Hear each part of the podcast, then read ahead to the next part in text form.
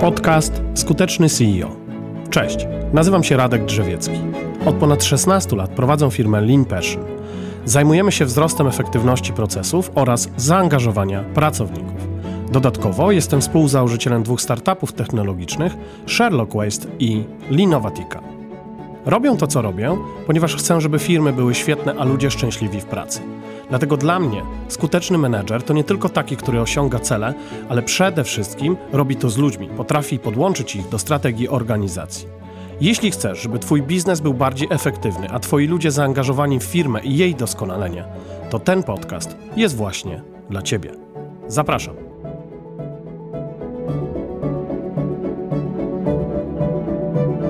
Odcinek pierwszy. Skuteczny CEO, czyli jaki? W tym odcinku opowiem Wam o tym, kim według mnie jest skuteczny CEO, jakie rezultaty osiąga, jakie cztery perspektywy powinien uwzględniać w kierunkach strategii czy też celach strategicznych. Dowiecie się, dlaczego uważam, że realizacja celów nie jest dla mnie wystarczającym warunkiem zakwalifikowania menedżera do kategorii skuteczny. Dodatkowo poznacie pięć poziomów przywództwa Jima Collinsa. Witajcie. Cześć. To inauguracyjny odcinek, więc zanim zaczniemy, chciałbym się z Wami umówić na parę rzeczy. Nagrywam ten podcast, by zainspirować Was do tworzenia świetnych firm oraz by ludzie, którzy pracują w Waszych organizacjach, nie mogli doczekać się poniedziałków, a nie piątków. Może się jednak tak zdarzyć, że będę poruszał tutaj sprawy kontrowersyjne, omawiał przykłady problemów, patologii biznesowych, które mogą okazać się tożsame z Waszymi przypadkami. Organizacje naprawdę zarządzane są w sposób stereotypowy. Jeśli będę krytycznie odnosił się do niektórych kwestii, proszę Was, byście nie odbierali tego osobiście i podchodzili do tematu z dystansem. Nie krytykujcie też innych ludzi, którzy popełniają błędy. 99% z nas nie robi tego specjalnie. Ludzie naprawdę są wspaniali i zazwyczaj większość ma naprawdę dobre intencje. Zresztą, jak mówi mój serdeczny kolega Czarek Raczyński, prezes M-Leasing, menedżerowie chcą robić właściwe rzeczy, w niewłaściwy sposób.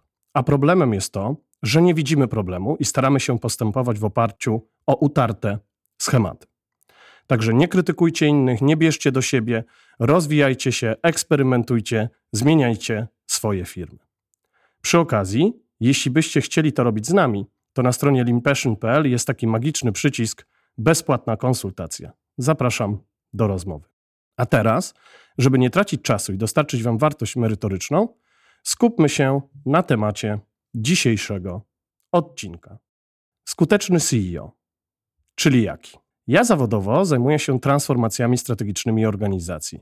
Firma, którą prowadzę, istnieje na rynku od 16 lat i mieliśmy okazję pracować już z ponad 500 firmami, zarówno z Polski, jak i ze świata. Dzięki temu miałem okazję zobaczyć wiele branż, doświadczyć różnych modeli biznesowych, czy też stylów przywództwa. Aczkolwiek niezależnie od tej różnorodności, prowadzenie biznesu jest w wielu przypadkach powtarzaniem pewnych paradygmatów zarządzania. I tak na przykład dla większości menedżerów bycie skutecznym oznacza po prostu nic innego jak realizację celów. 5-7 lat temu miałem okazję być w Indiach, gdzie pracowaliśmy dla bardzo dużego klienta, globalna firma, gdzie przeprowadzaliśmy transformację dla ponad 36 tysięcy pracowników. No i podczas tej wizyty w Indiach e, zostaliśmy zaproszeni na kolację, gdzie był zarząd tej firmy, nawet członkowie Rady Nadzorczej. No i w pewnym momencie rozpoczęła się dyskusja, którą poruszył szef Linu w tej organizacji, mm, szef Linu na całą organizację. Zaczęliśmy rozmawiać o tym, kim jest skuteczny menedżer. No było tam około 12, 12 osób plus ja i kolega z Passion. No i wszyscy doszli do wspólnego mianownika, że skuteczny menedżer to taki, który no, realizuje cele, tak? E, zwłaszcza, że mm, w, większości tych organizacji, zwłaszcza szczególnie w tej organizacji, to była organizacja z indyjskimi korzeniami, realizujesz cele albo cię po prostu nie ma. Więc konkluzja była taka, że skuteczny menedżer, warunkiem do tego, żeby można było o kimś powiedzieć, że jest skuteczny, jest realizacja celów. Więc jeśli pozwolicie, moi drodzy, to ja bym chciał zacząć od tezy takiej, Właściwie dla mnie to jest hipoteza, ale dla hipoteza od tezy różni się tym, że trzeba ją jeszcze udowodnić. Ale zacznijmy więc od tego, że skuteczny CEO, bo tak nazywa się mój podcast, to taki, który osiąga rezultaty, realizuje cele, tak? Zwłaszcza, że tak jak powiedziałem przed chwilą, w wielu organizacjach dowożenie wyników e, wydaje się być warunkiem koniecznym, by po prostu utrzymać posadę, tak? E, zarządy menedżerowie, prezesi, zwłaszcza w korpo, są oceniani pod kątem realizacji celów strategicznych, a już tak spłycając zupełnie moją wypowiedź, mm, są oceniani pod kątem realizacji niczego innego jak po prostu rocznego, czy też e, dwuletniego, co się zdarza bardzo, bardzo rzadko, budżetu, tak? Tylko jest taka ciekawostka z tymi firmami, skupmy się e, w pierwszej kolejności na tych firmach, których osiąganie celów nie ma za wiele wspólnego z realizacją jakiejkolwiek strategii, a skupia się jedynie na dowiezieniu, tak jak powiedziałem przed chwilą, rocznego budżetu. A co za tym idzie, weryfikacją skuteczności prezesa będzie tutaj jedynie perspektywa mm, finansowa, czyli najczęściej jest to przychód i zysk. A to w mojej ocenie jest zdecydowanie za mało, kiedy mówimy o skuteczności top managementu. E, moja obserwacja jest taka, że teraz, zwłaszcza w pandemii, e, firmy zaczęły przeprowadzać e, mm, refleksje strategiczne chętniej i zastanawiać się, poddawać refleksji swój model biznesowy i kierunki strategiczne.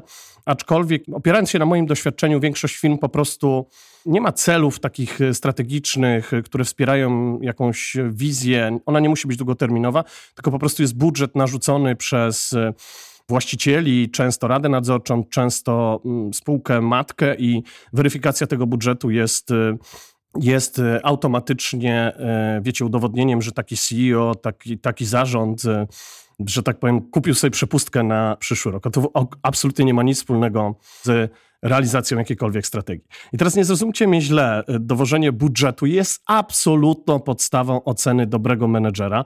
No nie bez kozery pracowałem kiedyś w GE, w GE, wiecie, no trzeba było dowozić te cele, nie? Trzeba było dowozić e, e, liczby finansowe i dopiero później można było gadać o czymś innym. Więc uznajmy, że realizacja budżetu jest absolutnym fundamentem, absolutną e, podstawą. Jednak oprócz aspektu finansowego, skuteczny CEO musi dla mnie osiągać rezultaty, doskonałe rezultaty w kontekście wzrostu organizacji, zaangażowania pracowników oraz, uwaga, zdolności do adaptacji. No i też tutaj jest moja taka obserwacja, że gdyby nie pandemia, o zdolności do adaptacji nie rozmawialibyśmy, y, nie rozmawialibyśmy y, mm, w ogóle, tak?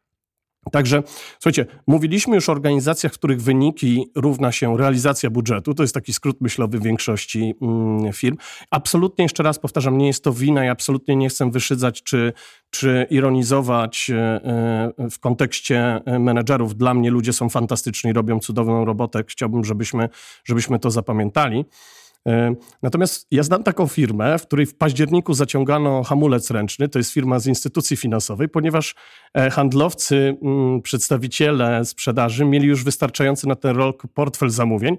I, i, i wiecie, była to taka cicha, niepisana zasada, że żeby nie przekroczyć budżetu i żeby na przyszły rok nie dostać większych celów, po prostu w październiku sprzedaż, e, że tak powiem, w sposób magiczny znikała. I kiedy pytaliśmy się, jak to się dzieje, że listopad, grudzień w kontekście samej sprzedaży jest taki niski, no to oczywiście specyfika branży była wytłumaczeniem. Tak? Także ludzie działają tak, jak ich mierzymy, bez dwóch zdań. No ale to jest taki pierwszy poziom, gdzie cele strategiczne równa się realizacja budżetu, a teraz zajmiemy się przedsiębiorstwami, które ja bym nazwał je taki drugi poziom dojrzałości, w których oprócz realizacji budżetu są jakieś kierunki strategiczne, tak? To znaczy ktoś coś próbuje więcej zrealizować niż tylko aspekt finansowy. Rozumiecie o co mi chodzi, tak? Mam nadzieję. Aczkolwiek y, y, w takich organizacjach, wiecie, ten pierwszy poziom był y, budżet, drugi poziom był realizacja jakichś celów strategicznych, jakiegoś wybranego kierunku spisanego w liczbach i weryfika weryfikacja jest na podstawie tego, czy te liczby zostały po prostu osiągnięte. Aczkolwiek moje doświadczenie jest takie, nie wiem jakie jest wasze, że o ile wzrost samego biznesu, czyli o ile rośniemy rok do roku e, i produktywność mierzona w celach, e, mierzona w, w zysku, czy też e, EBIT, czy też EBIT jest zawarta w celach strategicznych takich firm, tak zadowolenie, zaangażowanie pracowników ciągle pozostawia wiele do życzenia, a zdolność do adaptacji jako taka mierzona odpowiednim KPI z perspektywy strategicznej, możemy tego szukać jak igły w stogu siana. Tak? Ja bardzo często, jak rozmawiam z zarządami firmy, osobiście pracuję, pracuję e, w tej chwili w 90% e, z zarządami, to zadaję im pytania, na czym im zależy w organizacji. Wiecie, jak mantrze oni powtarzają, że oprócz realizacji wyników zależy im na ludziach, no i na tym, żeby się przystosowywać. I ja wtedy mówię tak, wiecie, trochę prowokacyjnie, żeby też wyciągnąć ich ze strefy komfortu, to pokażcie swoje cele strategiczne. I teraz wiecie, 99% tych organizacji ma w swoich celach strategicznych po prostu perspektywę finansową, nie? Ja mówię, no to nie jesteście poważni w tym, mm, znowu nie chcę nikogo tutaj oceniać, tak, trochę się denerwuję, bo to jest mój pierwszy odcinek, ale no może nie zadaję takiego, nie, nie mówię takiej konkretnej, e, konkretnego zdania, ale staram się zwrócić im uwagę, jeśli o czymś myślicie naprawdę poważnie, to powinniście mieć te cele zawarte w swojej strategii i powinniście je komunikować, ich e, realizację. Czyli moi drodzy, dla mnie, jeśli chodzi o skutecznego CEO, to jest, tak jak powiedziałem przed chwilą, absolutnie podstawowym argumentem do tego, żeby zakwalifikować go do tej, do tej kategorii bycia skutecznym, jest realizacja celów finansowych. Tak? Z uwagi na to, że ten świat jest tak skonstruowany i realizujesz wyniki, to dostajesz premię, a nie realizujesz wyników, dostajesz layout, jak dotrzeć do kadr. Nie? I tutaj ten, ta metoda kija i marchewki, jeśli chodzi o top management, jeśli chodzi o zarząd, jest znana od lat, jest wykorzystywana i nie będę tutaj polegał polemizował, czy ona jest dobra, czy, y, czy niedobra. Chodzi mi o to, że jeżeli już uznajemy, że skuteczny CEO to taki, który realizuje cele, to powinniśmy uwzględnić inne perspektywy, zwłaszcza, że w dzisiejszych czasach bez ludzi, bez zdolności do adaptacji nie jesteśmy w stanie po prostu przetrwać. Czyli zatrzymajmy się tutaj na chwilę i y, pogadajmy o tym, że Skuteczny CEO to taki, który osiąga rezultaty, tak, rezultaty finansowe, tak, ale dodatkowo ma jeszcze te trzy perspektywy, takie jak wzrost, rozwój organizacji, czyli o, o ile rośniemy, jaki mamy udział w rynku. Druga perspektywa to jest y, zaangażowanie, tudzież zadowolenie pracowników. Ja wiem, że to nie jest to samo, ale to jest perspektywa, która powinna być uwzględniana, zwłaszcza, że y, dzisiaj. Y, zatrudnienie wykwalifikowanych pracowników no, jest coraz większym wyzwaniem dla organizacji. No i trzecia perspektywa to jest zdolność do adaptacji. W jaki sposób można pomierzyć na poziomie strategicznym zdolność do adaptacji? My na przykład w naszej firmie mierzymy to procentem przychodów e, e, non-manpower, tak? czyli nie wynikających z doradztwa, czyli bo chcemy się w naszym kierunkach strategicznych po prostu rozwijać. Ale wiele firm nie ma tego zdefiniowanego.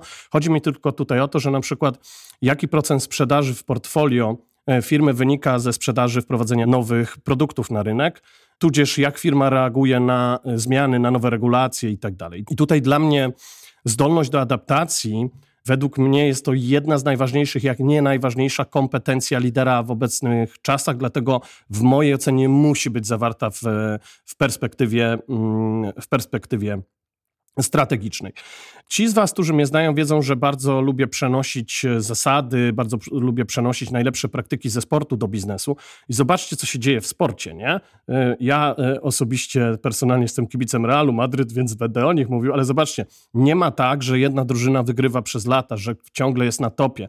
Chodzi o to, że musisz reagować na, tym, na, ty, na to, kiedy ci idzie, kiedy ci, ci nie idzie. Tak mała dygresja w życiu, w biznesie, tak naprawdę my potrzebujemy trzech takich rzeczy w mojej ocenie. Wiary w siebie, wiary, że nam pójdzie, determinacji, kiedy nam nie idzie i pokory, kiedy nam idzie. Ale wracając do tematu, zobaczcie, co się dzieje w sporcie. Mówię o sporcie zespołowym, nie?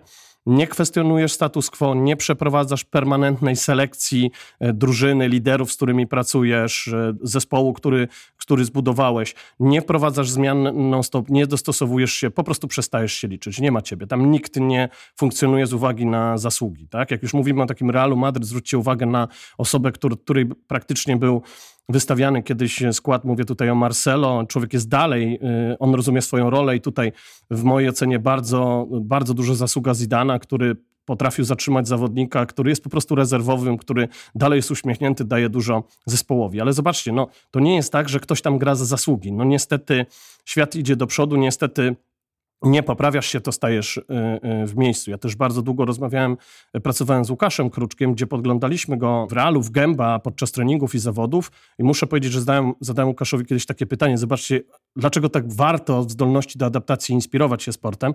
Zadałem mu pytanie, tak go trochę prowokując i prowokując menedżerów w biznesie, czy jemu nie przeszkadzają te regulacje, które FIS, które różnego rodzaju instytucje stosują co sezon. On powiedział, że nie mogą się ich doczekać.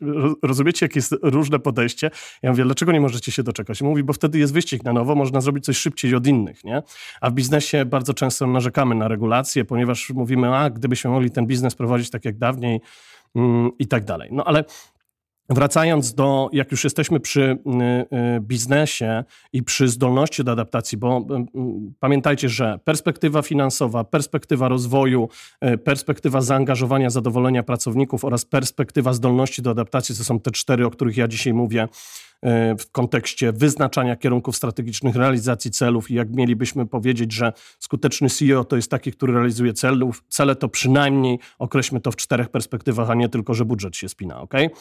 No ale wracając do tej zdolności do adaptacji, która tak jak powiedziałem, jest naprawdę w niewielkiej ilości firm zawarta w strategii, zawarta w, w, celach strategicznych, no to jest jedna firma, która zdolność do adaptacji, to jest firma z branży automotive. Część z Was, która pracuje w automotive, może tę firmę doskonale znać. No, no, mm, że tak powiem, robię tutaj mm, małe sobie żarty, bo chodzi o Toyotę oczywiście, tak? Ja nie jestem aż takim wielkim fanem Toyoty i uważam, że to, co japońskie mm, w Japonii powinno zostać.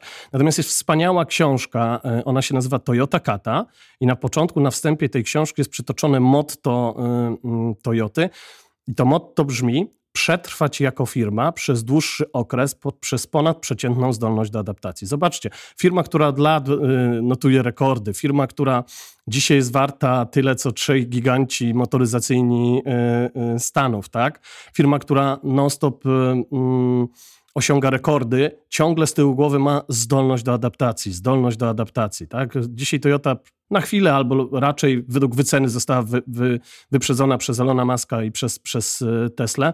Natomiast ciągle, moim zdaniem ona zaraz wróci, nie chodzi o, o to konkurowanie, ale ciągle jest to firma, która przez lata, zobaczcie, to jest bardzo ważne, to jest przez kilkadziesiąt lat E, osiąga wzrosty, buduje ponadprzeciętną e, przewagę konkurencyjną poprzez ponadprzeciętną zdolność do adaptacji. Tak naprawdę to jest klucz Toyoty, a nie, mm, a nie tylko spłaszczenie do tego, że, mm, że filozofia mm, Kaizen, zresztą Kaizen jest używany właśnie do tego, żeby kwestionować status quo, żeby budować zdolność do adaptacji.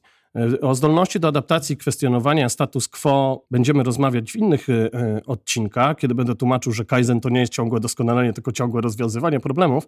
A teraz wróćmy do meritum i do skutecznego CEO. Czyli na tym etapie e, chciałbym podkreślić, że dla mnie skuteczny CEO to jest taki menedżer, który osiąga doskonałe rezultaty w czterech perspektywach strategicznych: wzrost, zaangażowanie, zysk i w końcu zdolność do adaptacji. Tak? Zresztą część z Was wie, że naszą misją jest Great Companies, Happy People i od tych pierwszych, od liter y, słów, czyli y, y, G jako growth, tak? C jako changeability, adaptability, happiness i productivity. Właśnie dlatego też mamy taki akronim do tych czterech perspektyw strategicznych, czyli wzrost, pamiętajcie, wzrost, zdolność do adaptacji, zadowolenie, zaangażowanie pracowników oraz produktywność, efektywność biznesu, najczęściej mierzona zyskiem, EBIT-em, czy też mm, jaką, jakąkolwiek inną perspektywą e, mm, finansową. We wzroście też możemy mówić o wzroście wartości firmy, która notabene jest fajnym wskaźnikiem długoterminowym, jeśli chodzi o, o skutecznego CEO. Tak jak prezes Budimexu, który teraz y, zostawia firmę w dobrych rękach, bodajże nie wiem, czy pamiętam, ale e, e, strasznie mm, zwiększył wartość e, firmy z 2,3 miliarda portfela zamówień do 8,5 miliarda. Przy czym nie przywiązujcie się do tych, do tych liczb, ponieważ teraz nie pamiętam ich dokładnie. W każdym razie wzrost wartości firmy jest takim, taką perspektywą, której można rozliczać CEO, prezesa, czy też zarząd w perspektywie długoterminowej, jeśli tylko damy mu trochę czasu. I słuchajcie, jeśli mówimy o skuteczności CEO, czyli o menedżerze, który osiąga te e, cele, który mm, jest skuteczny w czterech perspektywach, a nie tylko budżetowych, to tutaj właściwie moglibyśmy zakończyć e, rozważania na temat tej skuteczności menedżerskiej i moglibyśmy zakończyć ten odcink, odcinek podcastu. No moglibyśmy, gdybym osiąganie rezultatów uważał za jedyny aspekt tejże skuteczności, bo wiecie, taki jest paradygmat zarządzania. Dowodzisz wyniki, jesteś skuteczny, nie? A tu niestety, słuchajcie, as z rękawa. Jim Collins, y, dla mnie jeden z największych autorytetów zarządzania czy też przywództwa. Jim Collins, który napisał doskonałą książkę Od dobrego do wielkiego i której y, tutaj inspirację i jego pięć poziomów przywództwa y, użyję, jeśli, pozwolicie. No jest monolog tutaj, no to na pewno pozwolicie, tak? Ale Jim Collins, część z was go zna, podzielił e, liderów na taką hierarchię pięć poziomów. Nie? Pięć poziomów. E, e, jest, jest też taki człowiek, który jest również dla mnie autorytetem, on się nazywa John Maxwell, też ma pięć poziomów przywództwa, ale ja je bardziej traktuję i, i biorę je do średniego i najniższego szczebla zarządzania, a Collinsa biorę do top managementu.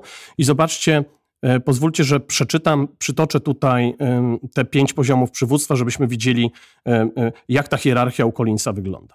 Na samym dole pierwszy to jest zdolny wykonawca, czyli zdolność, wiedza i dobra organizacja pracy E, pozwala mieć wkład jednostkę w działalności firmy. I to jest najniższy poziom przywództwa według e, Collinsa, tak, w tej hierarchii. Drugi to jest e, cenny członek zespołu, kiedy wkład, zdolność pomagają zespołowi osiągać cele. To jest drugi poziom, tak. Trzeci poziom to jest kompetentny menedżer. Zobaczcie, tak organizuje ludzi i zasoby, by efektywnie i wydajnie dążyć do wyznaczonych celów. Czyli jak mówiliśmy wcześniej, że skuteczne branie skuteczności e, CEO, skuteczności menedżera e, jedynie pod kątem umiejętności realizacji celów jest tak naprawdę trzecim poziomem przywództwa, e, przywództwa Jima Collinsa, a nie najwyższym. Pamiętajcie, że mówiłem jeszcze o pięciu. I teraz czwarty. Zobaczcie, jak on się fajnie nazywa, jak nam pasuje do dzisiejszego odcinka. Skuteczny przywódca. Wydobywa zaangażowanie, realizuje wizję. I to jest ta różnica pomiędzy kompetentnym menedżerem poziomem trzecim, a poziomem czwartym skutecznym przywódcą, że na poziomie czwartym mówimy o tym, że ktoś angażuje ludzi do realizacji wizji, pobudza, wzmacnia zaangażowanie, wyraźną wizję i dążenie do jej urzeczywistnienia, skłania grupę do działania na wysokim poziomie. To jest czwarty poziom. A piąty poziom przywództwa to jest buduje trwa, trwałą potęgę dzięki paradoksalnemu połączeniu skromności z siłą i determinacją. I ja uważam, nie będziemy się dzisiaj zajmować piątym poziomem przywództwa, ponieważ no wiecie, prowadzę tę firmę 16 lat, 20 lat y, zajmuję się transformacjami i ja na swojej drodze spotkałem tylko jednego lidera, którego ja kwalifikuję na poziomie piątym, czyli skromność y, w połączeniu z determinacją, siłą i to jest y, lider, który jest dla mnie absolutnym wzorem, to jest Łukasz Kruczek, tak? Oczywiście w sporcie i uważam, że tam w sporcie należałoby szukać takich liderów. Czyli zobaczcie, osiąganie rezultatów to poziom trzeci, tak? W ten sposób chciałbym obalić paradygmat zarządzania, że skuteczny lider to jest taki, który, e, e, wiecie, traktowanie tego pod kątem tylko e, realizuje mm, cele. Poziom piąty, tak jak powiedziałem, buduje trwałą potęgę poprzez paradoksalne połączenie siły, determinacji ze skromnością i pokorą. No i tak jak przed chwilą mówiłem, zostawmy poziom piąty. Nie będziemy tutaj się rozpływać nad, e, e, wiecie, wyimaginowaną e, wersją CEO, ponieważ niewielu ludzi jest w stanie, zresztą sam Collins mówi, że niewielu ludzi jest w stanie wejść na poziom piąty. Zostańmy przy tym poziomie czwartym, skuteczny, skuteczny przywódca, tak, skuteczny przywódca wydobywa zaangażowanie i realizuje wizję. I tutaj chciałem się skupić na tym właśnie, że problemem większości szefów jest to, zobaczcie, to jest dla mnie w ogóle taka refleksja po kilkunastu latach prowadzenia własnego biznesu, do, doradzania czy też rozmowy e, z prezesami, z zarządami dużych, małych firm, to głównie tutaj wysuwa, wysuwa się na prowadzenie taki problem biznesowy, że większość szefów, o ile potrafią zaangażować swoich najbliższych menedżerów, nie? najbliższych, czyli macie zarząd i e, do zarządu raportują e, bezpośrednio dyrektorzy czy też kierownicy. Większość firm jest hierarchiczna, nie będziemy dzisiaj rozmawiać o, o startupach czy też o, o firmach turkusowych, ale przyjdzie taki czas, że się zmierzę z tym turkusem. Wybaczcie, nie mogłem się, nie mogłem się powstrzymać. Natomiast to mniej więcej wygląda tak, że ten, to gremium strategiczne, ten zarząd i dyrektorzy w cudzysłowie oczywiście biegają za tą strategią, za realizację celów. O tyle e, cała reszta przychodzi po prostu do roboty. Tak? Jedni e, skupiają się na dowożeniu, bo tak są rozliczani, a drudzy nie mogą się doczekać, e, aż wyjdą z pracy. Nie? I dzieje się tak, ponieważ większość tych firm zmaga się z tak jak ja sobie zdefiniowałem, y, część z Was miała okazję czytać już moją książkę, pewnie Strategia Lean, ale z pięcioma poważnymi problemami biznesowymi, które ja mocno nazwałem wielką piątką patologii biznesowych i o których opowiem Wam w kolejnych odcinkach. Tu pozwólcie, że uchylę rąbka tajemnicy w kontekście ról, jakie grają pracownicy oraz ich bezpośrednie przełożenie. Otóż w większości firm szefowie takich pracowników, czyli mówię najniższy i średni szczebel, zarządzania, na pytanie, jak motywujesz, jak angażujesz swoich pracowników, yy, najczęściej odpowiadają yy, normalnie. Nie? Ja nazywam takie zarządzanie przez yy, trzymanie kciuków. I druga rzecz, zobaczcie, co, co jest też takie znamienite do większości firm, to pracownicy na pytanie, jaka jest twoja rola w firmie, wiecie co odpowiadają? Robić dobrze. I teraz, jeśli jedni motywują, angażują normalnie, a drudzy robią dobrze, no to w efekcie, kiedy menedżerowie udają, że zarządzają, ludzie udają, że no właśnie, że pracują, nie? W każdym razie jedni i drudzy skupiają się na przetrwaniu, a cała ta góra walczy y, o to, żeby zrealizować te cele, nie? I tak jak mówiłem na początku tego podcastu, y, część z nich y, na końcu roku mówi, znowu udało się nam dowieść budżet, dostaniemy szansę na kolejny rok. Część z nich mm, mm, rozważa, czy też posiada w swoich strategiach perspektywę inne niż finansowe, to jest też fajne, czyli perspektywę zaangażowania pracowników, wzrostu firmy, czy też nawet zdolności do adaptacji, no ale tutaj bym policzył takie firmy na palcach dwóch rąk. Natomiast e, rzadko która firma potrafi y, spowodować, że większość pracowników, uwaga, tu jest takie kluczowe słowo, świadomie realizuje strategię firmy. Świadomie to znaczy zgodnie ze swoją rolą, tak? Rozumie tę strategię i ją realizuje. I przychodzi do pracy, żeby wspierać realizację tej, tej strategii.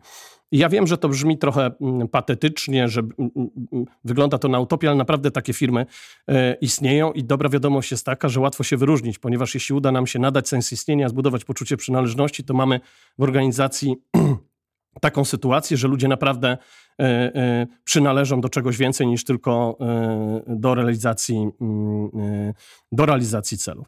W każdym razie jedni i drudzy skupiają się na przetrwanie. Liderzy zespołów, by to nie ich pozbyto się w tym roku, a pracownicy w ogóle, żeby przetrwać do piątku. Nie wiem, czy wiecie, ale w stolicy dzisiaj do was mówię, w Warszawie jest pojęcie małego weekendu, to jest środa, Ludzie, za przeproszeniem, muszą się napić, bo już nie wytrzymują do piątku, nie? Zwłaszcza w tej mm, pracy zdalnej. I taka sytuacja jest w większości firm. My przecież rozmawiamy o skutecznym CEO. Dlatego dla mnie skuteczny CEO to taki, który potrafi podłączyć ludzi do strategii firmy.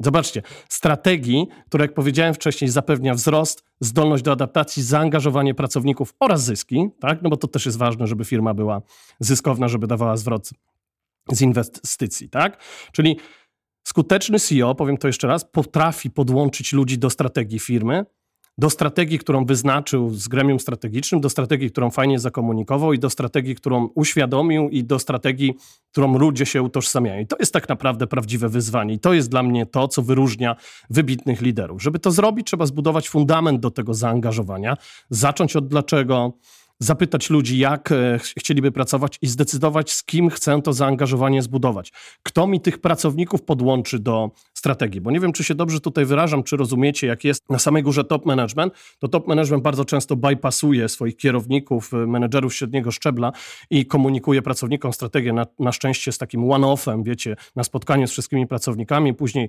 oczekuje nie wiedzieć czemu, że oni będą tę strategię realizować. Tymczasem ja mówię tutaj, że trzeba nadać sens istnienia, zapytać ludzi, jakby chcieli pracować, bo tak e, to jest moja wersja budowania poczucia przynależności. Niech oni zdecydują, jak chcą wspierać ten sens istnienia. O tym też będzie w innych odcinkach. Natomiast to, co jest bardzo pomijane, to, co odróżnia sport od biznesu, to to, że ja daje sobie prawo do przeprowadzenia selekcji. Nie, nie, ja wiem, że selekcja kojarzy się niehumanitarnie, ale tu wcale nie chodzi o to, żeby polować na czarownicę, tylko zastanowić się, jakie cechy serca, atrybuty umysłu powinien mieć mój lider, mój kierownik, którego przecież będę chciał e, zaangażować do tego, żeby podłączył mi ludzi do strategii firmy.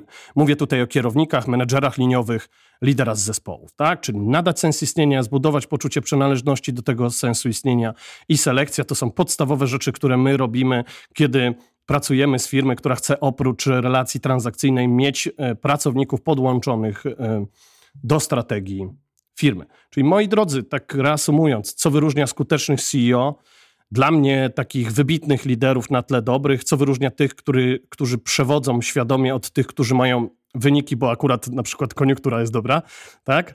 E, po pierwsze, skuteczny CEO nadaje sens istnienia. Po drugie, buduje poczucie przynależności do tego sensu istnienia. Po trzecie, Skuteczny CEO, no tutaj bez dwóch zdań, potrafi osiągać doskonałe rezultaty w czterech perspektywach strategicznych, o których dzisiaj była mowa, nie tylko w realizacji budżetów. I po czwarte, nie robi tego sami. To jest dla mnie taki wyróżnik, ponieważ znam ludzi, którzy skutecznie realizują cele, natomiast niewielu z nich potrafi robić to z zaangażowaniem, no może nie wszystkich pracowników, ale powiedziałbym większości, 80% pracowników. Wyobraźcie sobie taką sytuację, że ponad 80% pracowników przychodzi do pracy, żeby wspierać strategię firmy, ponieważ uczestniczyło gdzieś tam e, mm, w, może nie jej definiowaniu, ale w definiowaniu, jakby chcieli pracować, żeby ją mm, wspierać, tak? Czyli potrafi doprowadzić do sytuacji, w której pracownicy świadomie realizują tę strategię zgodnie określoną rolą, tak? No i moi drodzy, tak dotarliśmy do mety mm, pierwszego odcinka. Proponuję jeszcze, żeby na koniec poruszyć kwestie warte do zapamiętania, więc co warto zapamiętać? Słuchajcie, Skuteczny CEO osiąga ponadprzeciętne rezultaty w czterech perspektywach strategicznych: wzrost, zdolność do adaptacji, zadowolenie, zaangażowanie pracowników oraz zysk. Tak? Czyli cztery perspektywy strategiczne. O tych perspektywach strategicznych też będzie trochę więcej w innych odcinkach. Mm, no ale teraz y, podsumujmy. Tak? dwa, skuteczny CEO nadaje sens istnienia i buduje poczucie przynależności do tego sensu istnienia. Trzy, Skuteczny CEO przeprowadza selekcję, zwłaszcza jeśli chodzi o menedżerów średniego i najniższego szczebla zarządzania. Cztery, skuteczny CEO dzięki wyselekcjonowanej kadrze kierowniczej potrafi podłączyć wszystkie, e, wszystkie szczeble organizacji do strategii firmy. Tak? Ja mówię tutaj o większości przypadków, kiedy firmy są po prostu hierarchiczne. I pięć, Skuteczny CEO skupia się nie na tym, co chce wdrożyć, ale na tym, do jakiej sytuacji chce doprowadzić. Ja pracuję osobiście na warunkach docelowych, czyli zastanawiam się, jaką sytuację chcę osiągnąć poprzez pewne działania, a nie co chcę konkretnie wdrożyć. No i słuchajcie, na zakończenie dla mnie skuteczny CEO jest po prostu szczęśliwy że nie myśli tylko o stronie zawodowej, ta strona ludzkość po prostu spełnia się w życiu. Ja tutaj nie chcę nikomu mówić, że ma być, wiecie, e, często w domu, dbać o rodzinę, bo uważam, że to jest sprawa e, personalna, ale na zadaję, zadaję sobie takie pytanie w piątek, który dla mnie jest dniem refleksji, czy ja jestem szczęśliwy, czy jestem szczęśliwy w życiu, tak? Czy się rozwijam też jako człowiek, czy, czy to życie daje mi spełnienie, a nie tylko ze stresem realizuję te cele. Na koniec e, Trzy książki, które chciałbym Wam e, e, tutaj polecić. Oczywiście książka, którą już dzisiaj wspominałem, Od dobrego do wielkiego, Jim Collins. Wspaniała książka, gdzie możecie dłużej więcej poczytać o tych pięciu e, poziomach liderskich, o liderach poziomu piątego czy też czwartego, rozwinąć sobie tę sytuację. Dwa, zaczynaj od dlaczego. Simon Sinek, oczywiście Biblia, do tego, żeby budować relację emocjonalną, poczucie przynależności, a nie tylko transakcje. No i trzy to jest Toyota Kata, jeśli kogoś interesuje, jak e, ta e, firma motoryzacyjna mm, buduje poczucie zdolności do adaptacji. Tych z Was, którzy chcą porozmawiać o wzroście efektywności organizacji, czy też procesów, zaangażowania pracowników, e, przeprowadzenia refleksji strategicznej, nadania sensu istnienia, poczucie przynależności, weryfikacji celów strategicznych, misji, wizji itd., tak zapraszam oczywiście serdecznie na leanpassion.pl, prawy górny róg, bezpłatna konsultacja. No i co, moi drodzy, dobrnęliśmy do pierwszego odcinka, do, do, zakończenia pierwszego odcinka, tak? Ja mogę za chwilę e, m, pooddychać, a Was już teraz serdecznie zapraszam do odcinka numer dwa, kiedy porozmawiamy o tym, co z tym zaangażowaniem, dlaczego tak trudno jest zaangażować pracowników w cokolwiek. Dziękuję. Do zobaczenia. Cześć.